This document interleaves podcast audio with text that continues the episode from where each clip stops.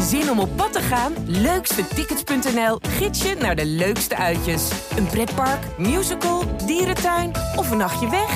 Start je zoektocht op leukstetickets.nl.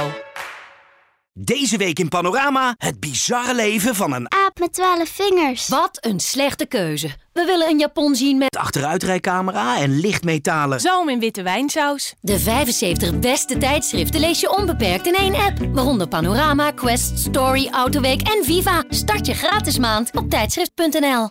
Iedere week op viva.nl en nu ook als podcast een erotisch verhaal opgebiecht door een Viva-lezeres.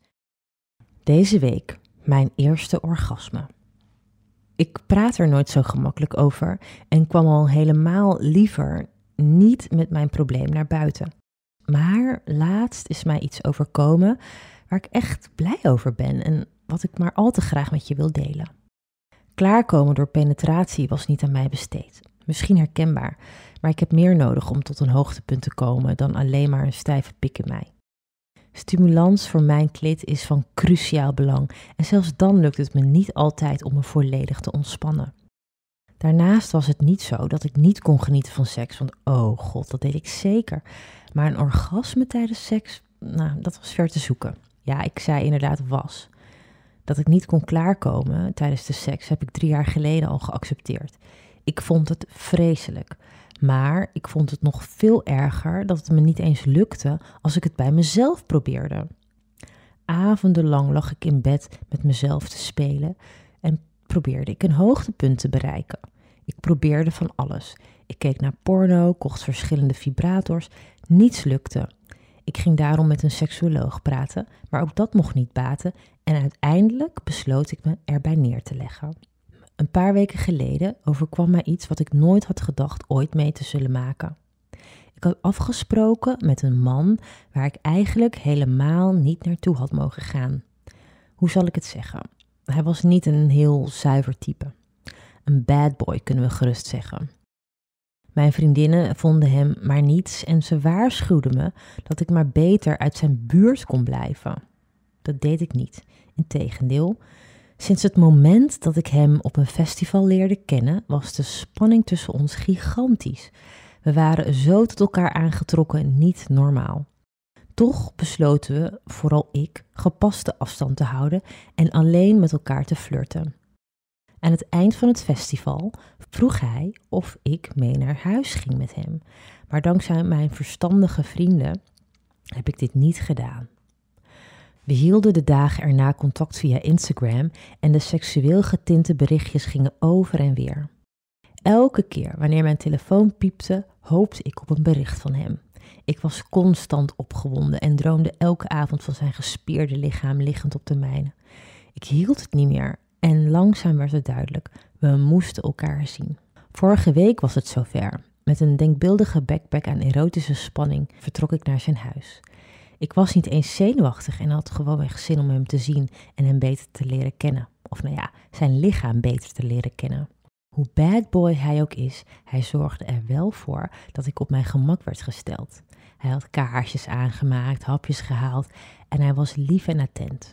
Al snel voelde ik me veilig bij hem. Nog sneller waren we aan het zoenen. Tja, hoe zeg je dat? Van het een kwam het ander en zo ging het ook. Het zoenen vloeide over in aanrakingen en de aanrakingen zorgden ervoor dat ik zijn blote lichaam wilde aftasten. Ik liet mijn koude handen onder zijn shirt glijden en een kleine schok raasde door zijn lijf. Onze monden waren één met elkaar en ik zag de bobbel in zijn jeans steeds groter worden. Ik was razend benieuwd en begon met het losknopen van zijn broek. Ik verloste hem en ontfermde me over zijn prachtige besneden pik. Ik wilde naar beneden gaan om hem te verwennen met mijn mond, maar ik kreeg de kans niet. Hij legde een vinger op mijn mond en trok mijn shirt uit. Oké, oké, dacht ik. Hij was hier de baas. Ik liet het over me heen komen en terwijl hij aan mijn tepels zoog, schopte ik mijn schoenen uit en maakte ik mijn broek los. Voor ik het wist, zat ik op hem en bepaalde ik het tempo. Nu had ik de touwtjes in handen. Met zijn handen op mijn heupen liet hij me volledig mijn gang gaan. Het voelde goed, echt heel goed. Ik dacht nergens anders meer aan en was volledig aan het genieten. Opeens voelde ik tintelingen in mijn lichaam die ik nooit eerder had gevoeld. Ik dacht, wat? En begreep niet goed wat dat was. Kom maar, laat jezelf gaan. Wees niet bang. Ontspan, fluisterde hij in mijn oor. Ik deed wat hij zei. Reed op hem steeds sneller, op en neer. En voor ik het wist, gilde ik de woorden waarvan ik nooit had durven dromen ze ooit uit te spreken. Ik kom. Het was het fijnste gevoel wat ik ooit in mijn leven had mogen ervaren. Ik was dus zonder dat ik het door had voor het allereerst in mijn leven tot een orgasme gekomen. What the fuck? Ik was zo opgelucht en blij dat tranen van geluk over mijn wangen rolden. Eerst schrok hij, maar toen ik mijn verhaal vertelde, voelde hij zich natuurlijk alleen maar trots, trots, dat hij dit met mij had bereikt. Je begrijpt natuurlijk ook wel dat het niet bij deze ene keer bleef. We hebben een nieuwe seksdate gepland en I can't fucking wait. Wil jij ook je erotisch verhaal delen met de rest van Nederland? Stuur je verhaal met maximaal 400 woorden naar redactie.viva.nl met Dirty Little Secret als onderwerp. De beste verhalen publiceren we op viva.nl.